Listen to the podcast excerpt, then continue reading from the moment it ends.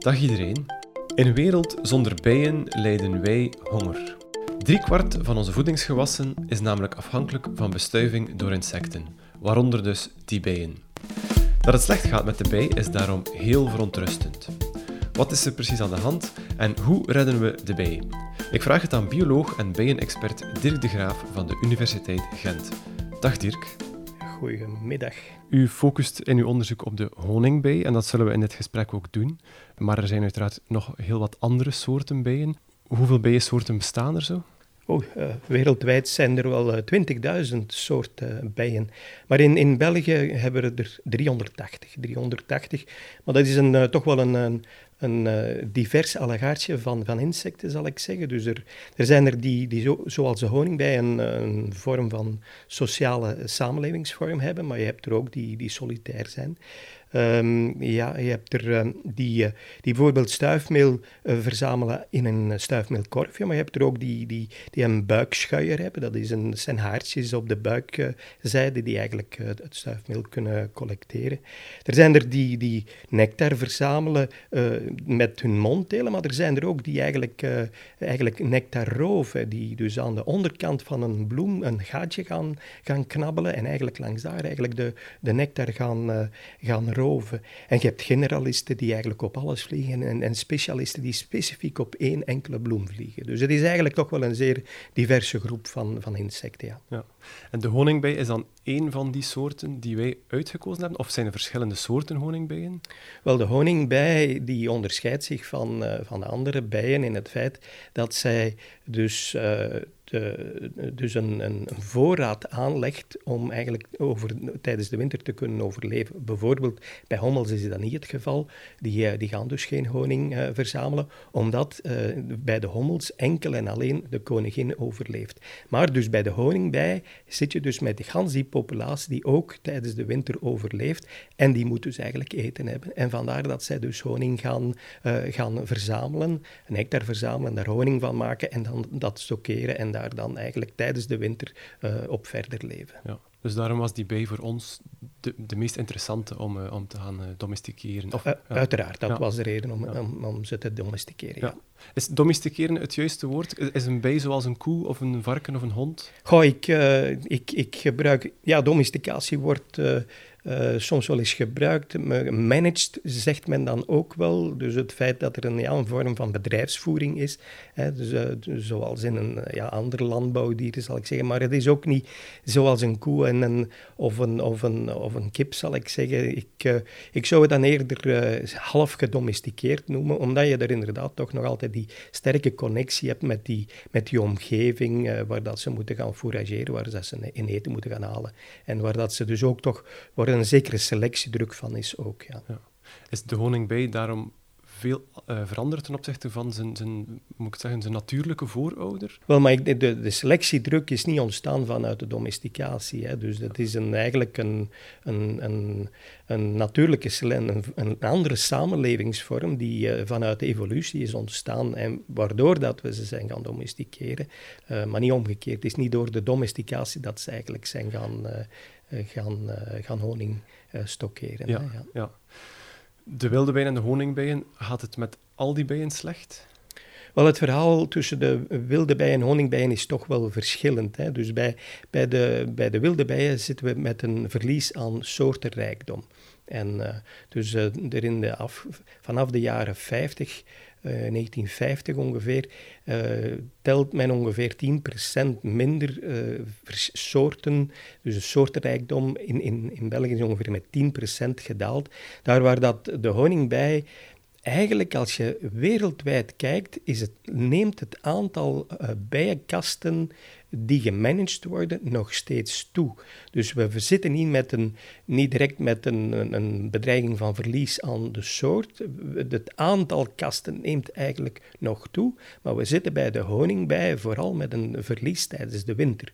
Dus er is er een, een zekere verzwakking die tijdens het bijenseizoen optreedt, waardoor dat ze die, die uh, lange fase van overwintering niet kunnen, kunnen overleven en dat, dat de imker dan eigenlijk in het voorjaar vaststelt dat zijn, zijn kasten zijn rompen leeg zijn en, en, dat er geen bijen meer op zitten. Ja. We kunnen straks nog wat dieper ingaan op die bedreigingen, maar ik wil misschien eerst eens nog een kijkje nemen in de bijenkorf zelf. Mhm. Hoe ziet zo'n bijenkorf eruit langs de binnenkant? Wel, uh, ja, nu tegenwoordig wordt, gaat men met rompen werken waar dat men uh, raampjes inhangt, waar dat, uh, zodanig dat men die raten die de bijen dus maken, dat men, men die er makkelijk uit krijgt. Dus om te controleren hoe het volk het doet, maar dus ook voor het honingslingeren bijvoorbeeld. Hè. Dus als je kan de bij ook wild laten bouwen, maar dan zitten die raten dus vast aan de wanden, dan krijg je ze er niet uit. En dus bij het korfimkeren is dat bijvoorbeeld zo, dan, dan moet je bij wijze van spreken bij het oogsten de inhoud bijna gaan ja, vernietigen, zal ik zeggen, om de honing eruit te krijgen. Dus, uh, maar dus in die raten wordt zowel de voorraad gelegd van honing en, en stuifmeel, uh, maar daarin gaat dus ook de koningin. Er is één koningin en die koningin gaat eitjes leggen. En die eitjes die, uh, die hebben drie dagen nodig om daar een kleine larve uit te laten geboren worden. En dan heb je dus een fase van zes dagen van larven. Dus waarin dat ze een aantal keren gaat vervellen. En waarbij die larve moet gevoed worden. En, en het is daarom omdat die larve moet gevoed worden, dat dat celletje waar dat ze dus, uh, zich in ontwikkelt, dat er dus open is. Men spreekt van een open broedfase. Het is pas op het moment dat die larve voldoende groot is en bijna het volledige celletje vult, dan, uh, dan gaan de bijen dat dus afdichten met een wasdeksel en omdat ze niet meer moeten gevoederd worden. En uh, gebeurt dus de metamorfose en krijg je dus de ontwikkeling van een pop, die dan uiteindelijk zich verder ontwikkelt tot een uitlopende uh, werkster of of daar of koningin, afhankelijk uh, van uh, over welke kasten we spreken dan van kasten dus uh, het hebben. Dus je, je hebt dus werksters, dat zijn vrouwelijke individuen. Koningin is ook een vrouwelijk individu. Ontstaat eigenlijk uit eenzelfde type van eitje als zelfde, dezelfde type van larve als waaruit een werkster ontstaat, maar die krijgt alleen koninginnenbrei. En wordt ook in een ander type van cel opgekweekt en is ongeveer dus toch wel de helft zwaarder dan, dan een werkster. En daarnaast heb je dan in de zomer dus ook nog de ontwikkeling van mannelijke individuen, de darren. En de darren dat, die ontstaan dus uit niet bevruchte eitjes. En die zijn ook flink groter dan, dan de werksters. Ja, maar het zijn de werksters die, uh, zoals de naam ook doet vermoeden, het meeste werk doen en de honing uh, binnenhalen. Ja, ja de ja. werksters die, die doen het werk en er zijn de darren, die zitten daar eigenlijk alleen maar te wachten tot wanneer dat ze geslachtsrijp zijn en uh, dan eigenlijk voor de bevruchting moeten instaan. En dan die werksters, die hebben eigenlijk een ganse reeks van, van taken die ze achtereenvolgens doen en, en dat begint dan eigenlijk bij het poetsen van de, van de, de raten, dus het voeden van de larven met hun, eigen secreten, of met, uh, met uh, honing en, en, stuifmeel. En dan gaan ze in een latere fase gaan ze zelf meehelpen met het bouwen van die raten. Uh, of ze gaan het voedsel dat binnenkomt ontvangen en, en deponeren in, in, in de raten. de wacht houden, dat is op een bepaald moment een taak. dode bijen verslepen. En dan uiteindelijk, pas in de laatste fase van hun leven, gaan ze eigenlijk... ik bedoel, ze gaan nog een, nog een aantal weken fourageren, maar dus, er is dus een hele fase die zich afspeelt eigenlijk in de, in de kolonie, alvorens dat, alvorens dat de werksters gaan, gaan fourageren, dus honing en stuifmeel gaan halen. Ja. Hoeveel bijen zitten er ongeveer in een, in een korf?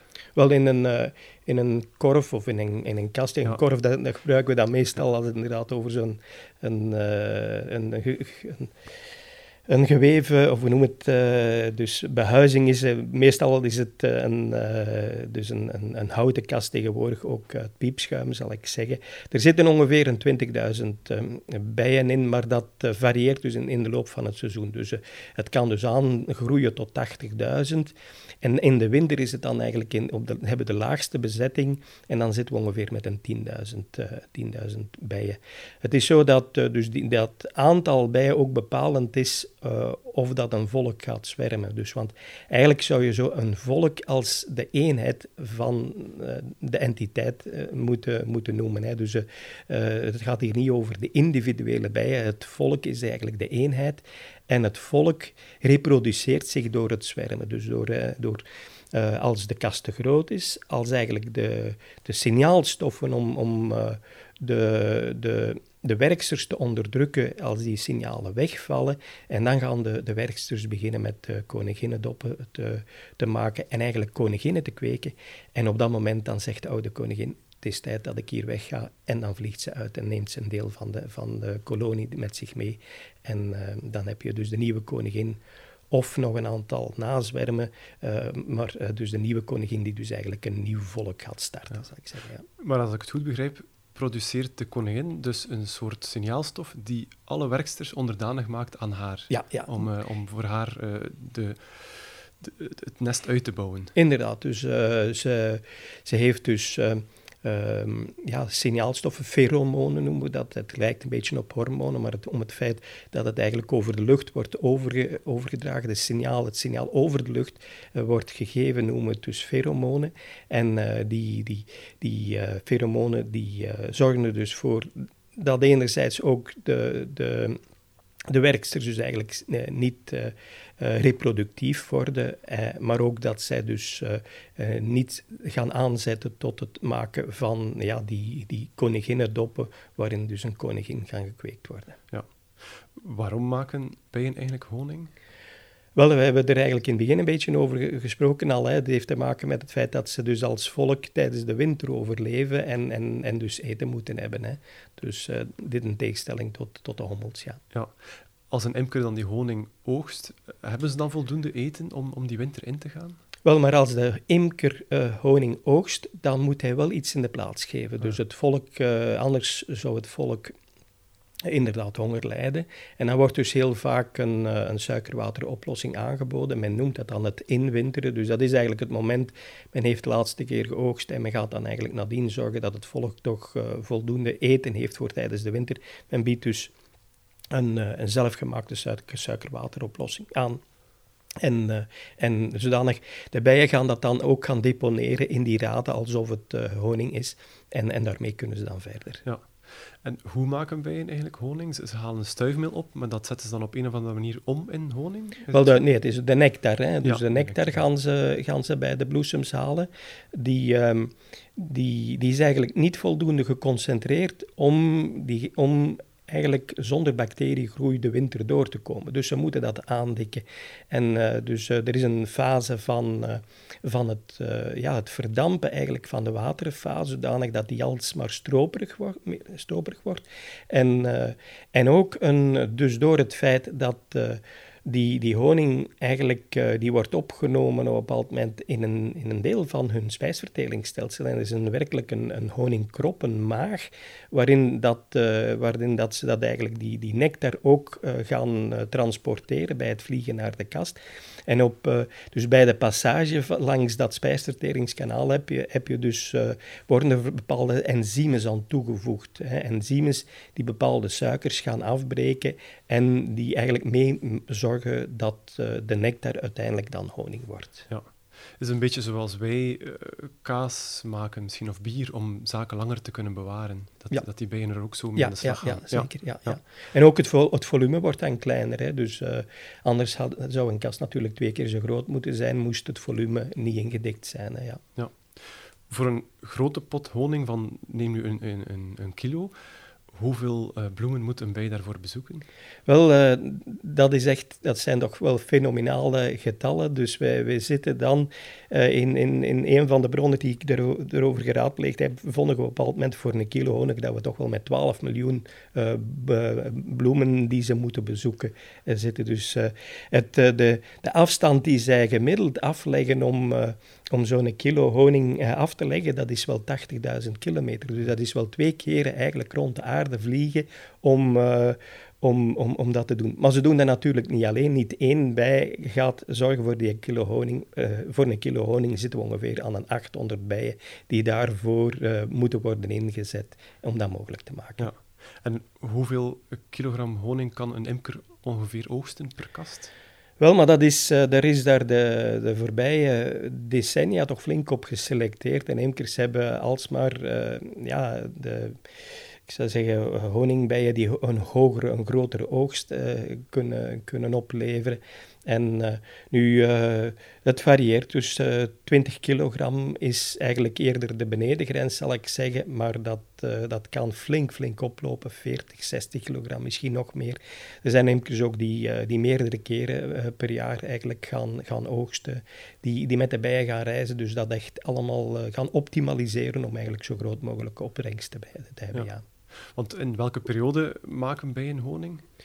Wel, in, dus, in, in, het voorjaar begint de kast terug uh, actief te worden. Dus maart, april, dat is, uh, dan, dan ga je, gaan ze eigenlijk uit winterrust komen. De eerste bloesems zijn dan vaak dus de, de fruitbomen. Die, het is daarom ook dat, dat er toch wel in, in, in België een, een zekere druk is van uh, volkeren te hebben die zich eigenlijk vroeg ontwikkelen. Hè, en uh, zodanig dat ze die, die uh, vroege bloesems van de fruitbomen kunnen, kunnen bestuiven en er dan ook op ik zeggen, honing kunnen, kunnen, kunnen binnenhalen of nectar kunnen binnenhalen. En dus dat is dan, als die uitgebloeid zijn, dan kan je al een eerste oogst, een, een lenteoogst eigenlijk hebben. Uh, het merendeel uh, is meer gefocust op, uh, op de zomeroogst, zal ik zeggen. Zoiets na de linde. Als de linden zijn uitgebloeid, dan, dan gaat men vaak gaan oogsten. En dan heb je ook nog bepaalde specifieke drachten in het najaar. Bijvoorbeeld de heiden is dan een dracht die eerder later op het jaar, eerder naar september toe, zich aanbiedt. En dus dat betekent, uh, je kan ook nog later oogsten. Dus je kan nog tot september eigenlijk gaan honing oogsten, ook als je daar specifiek je bedrijfsvoering op instelt. Ja. Dan naar de moeilijkheden waar de, de bijen mee uh, te maken krijgen. We horen heel vaak uh, in de media dat het slecht gaat met de bijen. maar hoe slecht gaat het precies? Kan je, kan je dat wat, wat beter uitleggen? Wel, maar de, de, dus, specifiek dan de honingbij. Dus we, ik geloof dat we in, in, in het jaar in, in 2012 voor de eerste keer een, uh, zo'n bevraging hadden gedaan bij imkers over de sterfte. En uh, de cijfers waren toen werkelijk dramatisch. We zaten op een bepaald moment aan 45% van de, van de kast die eigenlijk de winter niet was doorgekomen. Dus, uh, dus allee, bij, bijna de helft dan van de kasten die eigenlijk niet overleven. Dan zijn er nadien nog een aantal internationale dus monitorings geweest van die sterfte. Um, waarbij dat we ook weer voor Vlaanderen, voor Europa, eigenlijk het slechtste scoorden hier in Vlaanderen, in België. Dat we rond de 33, 36 procent zaten. Dan is het al jaren beter gegaan. En nu, uh, vorig jaar was dan weer een, een bijzonder goed jaar. We zaten kort bij de 10 procent. Maar dan dit, de afgelopen winter is het dan weer wat slechter en zitten we terug rond die 20 procent. Dus dat betekent toch dat je een vijfde van je kasten verliest uh, tijdens de winter. Betekent dat sommige imkers uh, helemaal geen schade hebben, maar dat je er dan ook een aantal tussen hebt die gewoon al hun kasten hebben verloren tijdens de winter. Ja. In het slechtste scenario, als er geen bijen meer zouden zijn, hoe zou zo'n wereld eruit zien? Wel, uh, ja, in jouw inleiding verwijs je al naar uh, hoeveel van onze voedingsgewassen uiteindelijk uh, afhangen van, van de honingbijen. Um, er zijn in, in China een aantal streken waarin dat men door overmatig gebruik van pesticiden dus de, de bijen volledig heeft uitgeroeid, lokaal. En waar dat men dus uh, manueel de, de mens moet gaan ingrijpen om bijvoorbeeld appelaars en perelaars te gaan bestuiven. Dus dat is werkelijk een worst case scenario, dat, je, dat we dus zelf met een penseel, bij wijze van spreken, de bloemen terug moeten gaan bestuiven. Nu goed, uh, ik, denk, denk, niet dat zoiets zich uh, op een mondiaal niveau gaat voordoen. Uh, dus ehm, het is ook zo, ik zeg nogmaals, als je kijkt naar het aantal bijenkasten dat gemanaged wordt, loopt dat eigenlijk nog op. Maar we zitten dus vooral met dat probleem van die wintersterfte. Hè. Ja. ja. Weet je waarom de bijen het zo moeilijk hebben? Waarom ze de winter bijvoorbeeld niet overleven? Wel, het is, het is een, een een, een veelheid aan uh, factoren die daarin een rol spelen. Het meest ingrijpende is toch wel geweest dat we rond de jaren 80 hier in België de varroa-meid hebben binnengekregen. Die is onder, ondertussen zo goed als overal verspreid geraakt. Dat was dus een meid die, uh, die dus eigenlijk eh, eerst parasiteerde enkel op de Aziatische bij, maar die daarin perfect in harmonie mee leefde. Dus die Aziatische bij had daar geen probleem mee. Die, uh, maar jij zat dan met, uh, ik zou zeggen, dubbele bedrijven met zowel Aziatische als Europese bijen. En die, die parasiet is op, op enkele plaatsen overgesprongen naar de andere gastheer. Het is maar op twee locaties gebeurd. En, maar uiteindelijk vanuit die twee locaties heeft die parasiet zich verder binnen die populaties uh, Europese bijen verspreid, zodanig dat ze nu eigenlijk overal voorkomt. Dus 1984, die meid kwam binnen en dat is dan eigenlijk nog een, een, een, serieuze klap geweest voor de imkerij. Maar uh, er was al voordien, was er toch al wel wat, ik zou zeggen, ja, bezorgdheid uh, het drachtgebied dat eigenlijk alsmaar kleiner werd, dus de, de beschikbare drachtplanten dus om eten te gaan halen, die, uh, eigenlijk zitten we met een verschraling van het landschap. En dan ook het gebruik van pesticiden is dus toch een, een, een zorg waar dat we dus nog altijd mee zitten. Ja. -hmm. Hier aan de Universiteit Gent onderzoekt u oplossingen voor die bedreiging, zoals de varroa-meid. Ja. Hoe ziet dat onderzoek er precies uit? Wel, we zijn met twee dingen bezig. We zijn enerzijds bezig met uh, zeer praktijkgerichte uh, dus, um, oplossingen voor het probleem.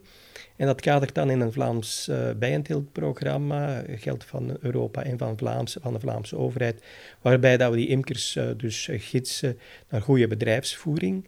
Um, en ook waarin dat we dus hen gidsen in het selectiewerk. Maar dat selectiewerk heeft nu ook een uh, serieus staartje gekregen in mijn fundamentele onderzoek.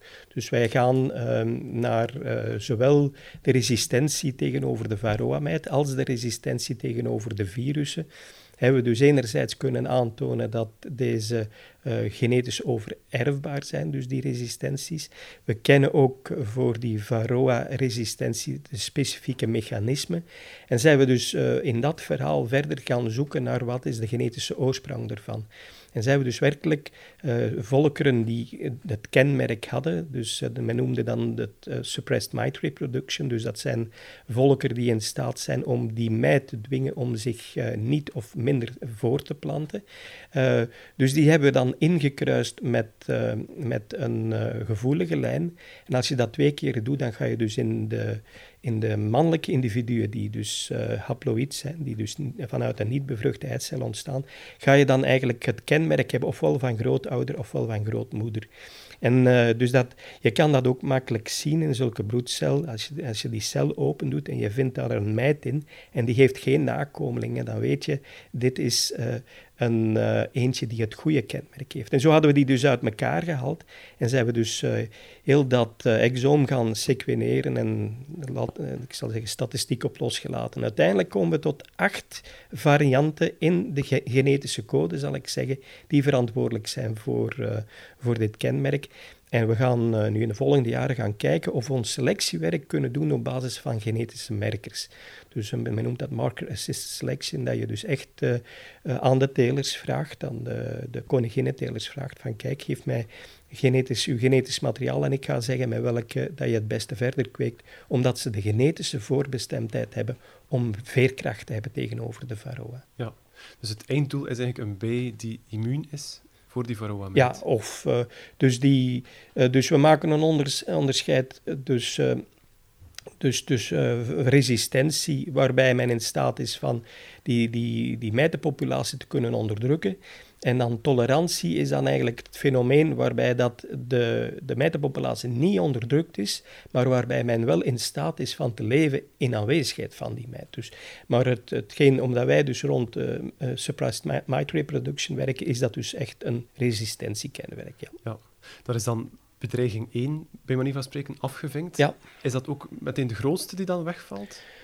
Wel, ik denk de combinatie die we nu aan het doen zijn van zowel te gaan kijken naar de varroa-meid als naar de virussen, want de virussen zijn dus de, eigenlijk uh, de ziektekiemen die via die varroa-meid worden overgedragen. En, en de kenmerken van de virussen, uh, die, uh, die werden vroeger eigenlijk fout, foutief geïnterpreteerd als de kenmerken van de varroa. Omdat als je inderdaad veel varroa's had, had je ook, ook veel virussen. Hè? Dus de misvorming van de vleugels is veroorzaakt door een van die virussen.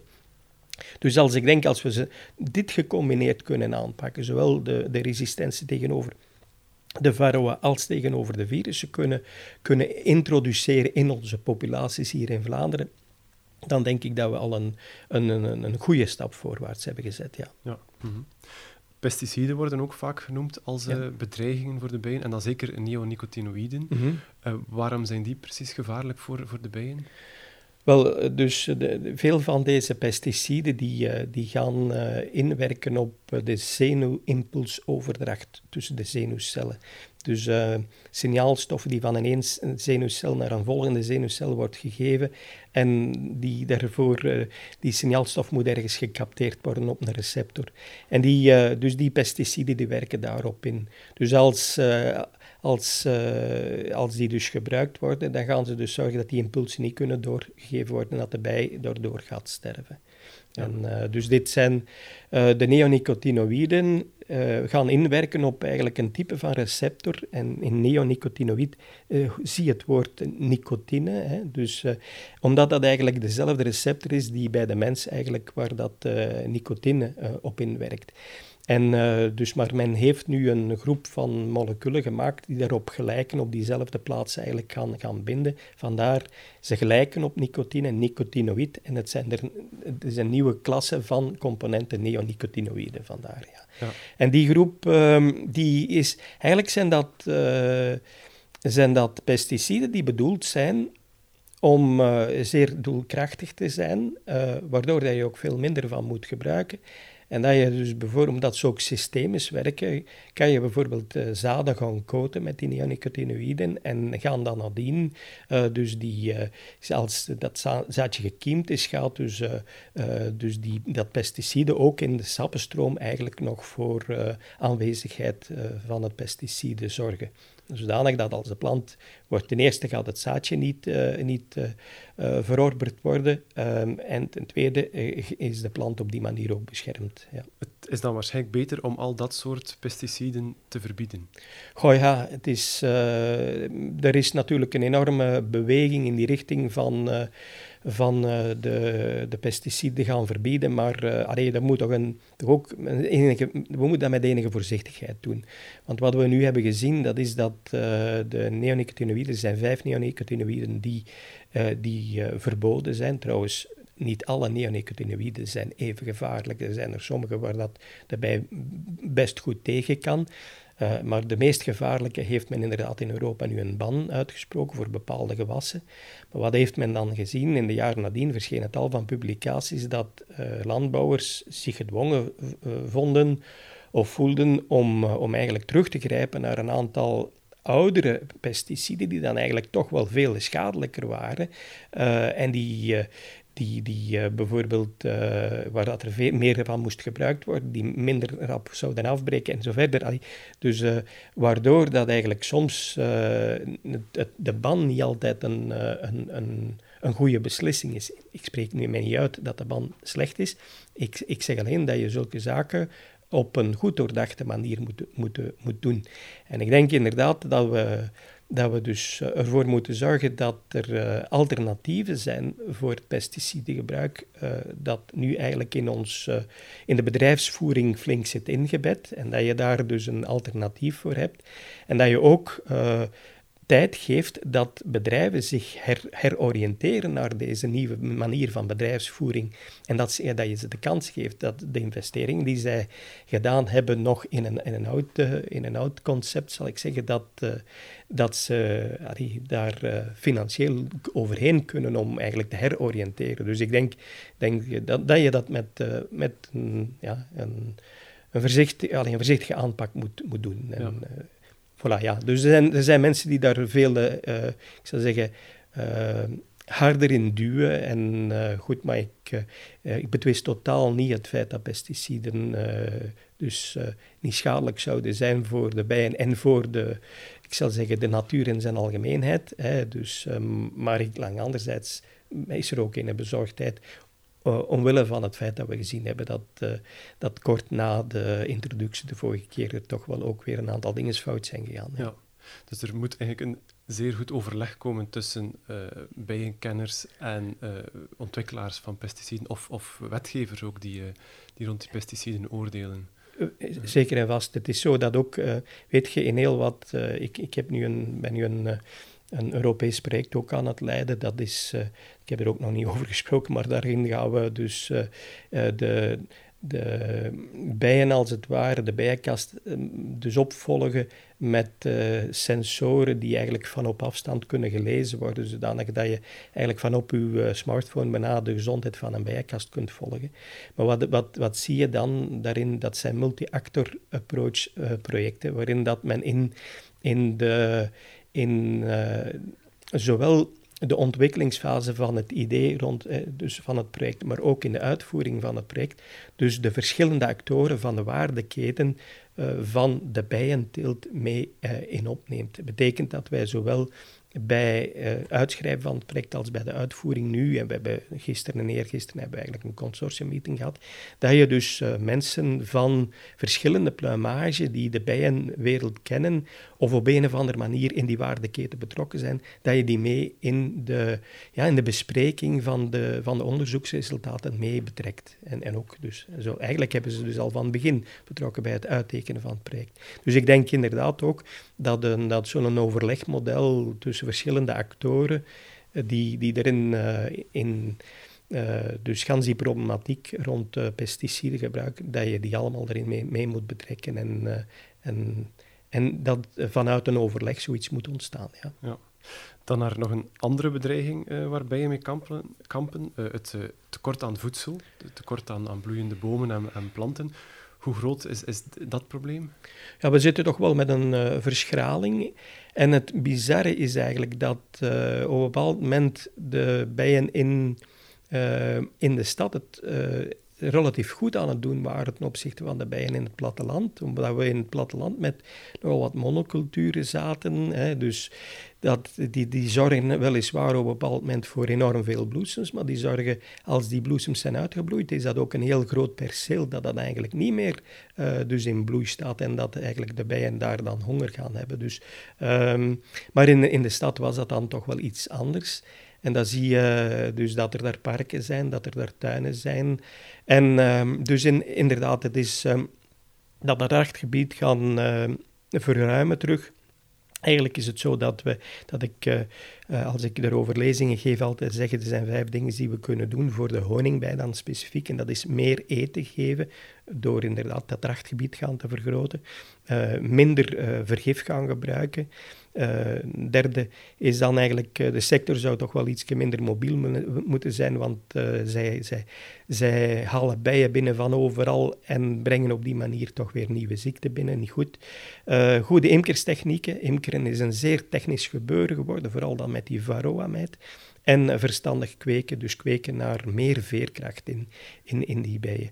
Dus het, de, deze vijf, vijf, elementen, ja, die, die proberen we nu uh, om te zetten in, in praktijk. Ik bedoel, uh, wat is dat dan concreet? we zijn op dit moment aan het schrijven aan een soort van ideeënboek uh, rond, rond wat je als burger, ook, maar ook als overheid, maar ook als bedrijfsvoerder, als, als bedrijfsleider, als, als landbouwer, als imker allemaal kunt doen. En op dit moment staan er al 130 maatregelen op de teller die we allemaal netjes aan het uitschrijven zijn en, en mooi aan het illustreren. En we hopen daar in de loop van de volgende jaren, laat me het zo zeggen, want het is, een, het is toch nog een, hele uitdaging daarmee naar buiten te komen, zodanig dat je inderdaad uh, specifiek uh, voor wat betreft dan, het is ruimer dan dat, hè, maar dat je dus bijvoorbeeld wat betreft dat rachtgebied, dat je daar heel concreet kunt zeggen tegen de burger van wat, wat dat je echt kunt doen. Hè. Ja. ja. En dat is dan bijvoorbeeld een bloemenweide of een keuze van, van bepaalde bomen die aangeplant worden? Ja, of? ja. dus uh, zo een van die ideeën is uh, een, van een, uh, een woonbos. Dus uh, eigenlijk, het, we vertrekken een beetje van het idee dat als je iets van de natuur neemt, dat je iets aan de natuur moet teruggeven. En als je dus op een bepaald moment een soort van verkaveling hebt van een, een van een, een, terrein en dat je daar dus een bebouwing op gaat hebben, dat je ergens misschien uh, moet zeggen, kijk, per zoveel vierkante meter moet daar een hoogstaand boom opkomen.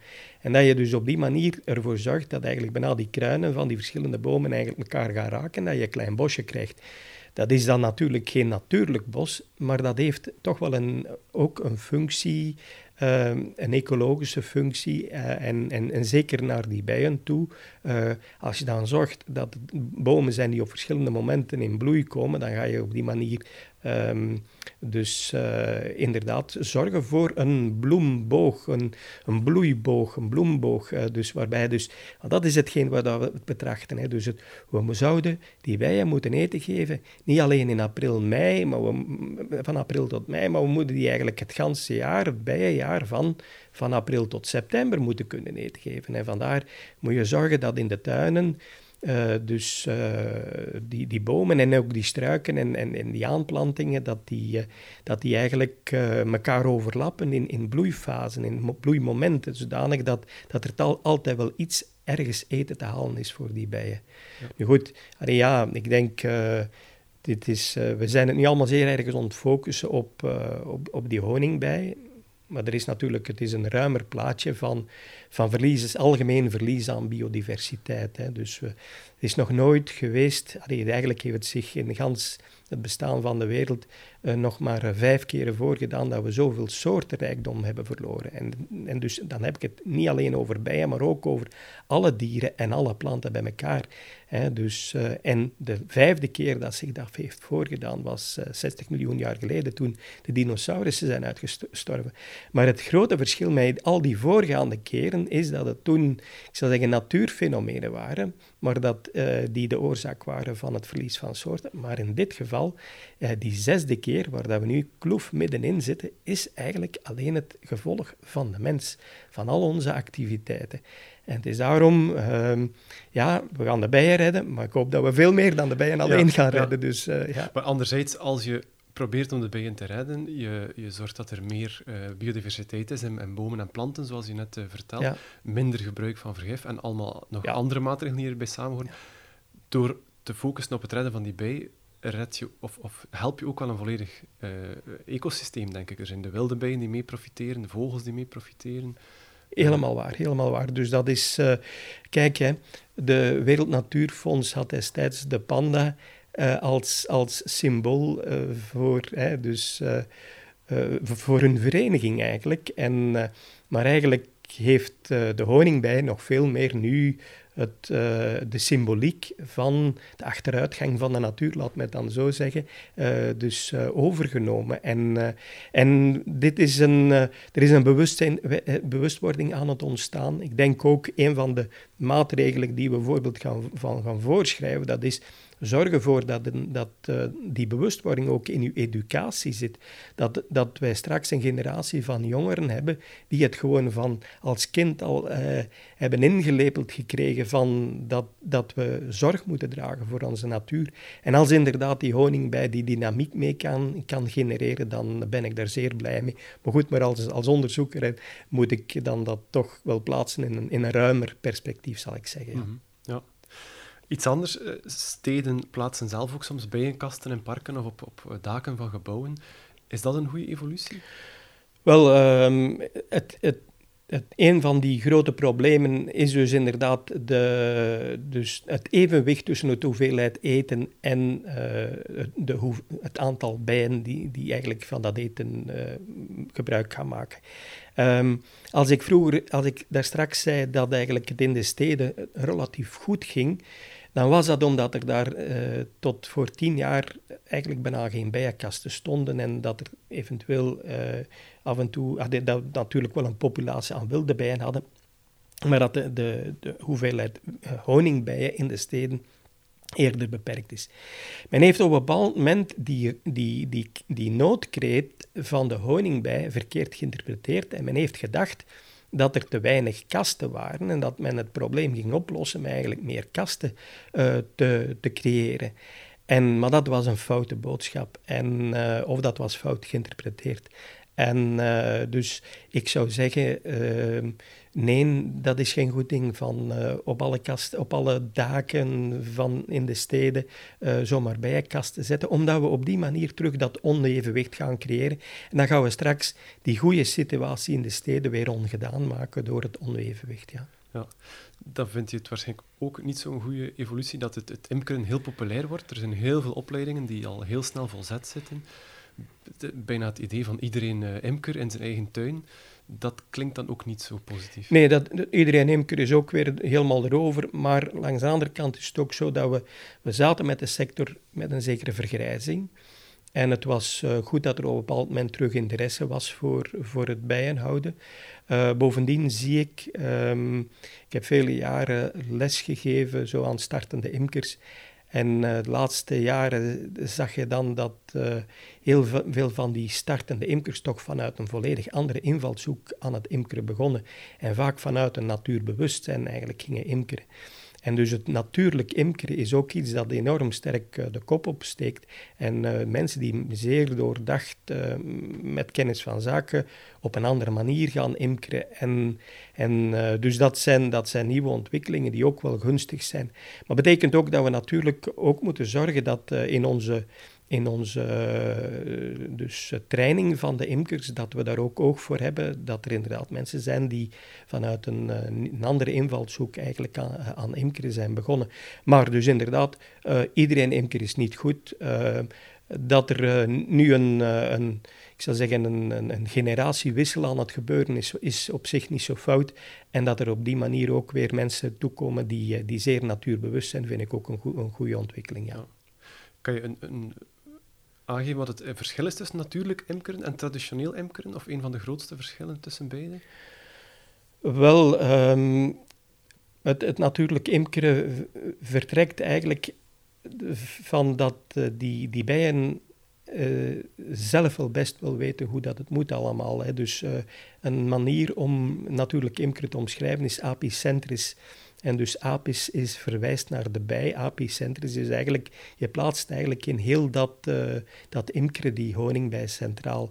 Veel van die imkers gaan, uh, gaan ook bijvoorbeeld niet of weinig gaan oogsten, honing oogsten. En die laten de honing voor, voor het volk zelf. En die hebben er eigenlijk gewoon plezier in van dat het volk zich mooi ontwikkelt zonder dat, uh, dat, ze, daar, dat ze daar die honing moeten afhalen.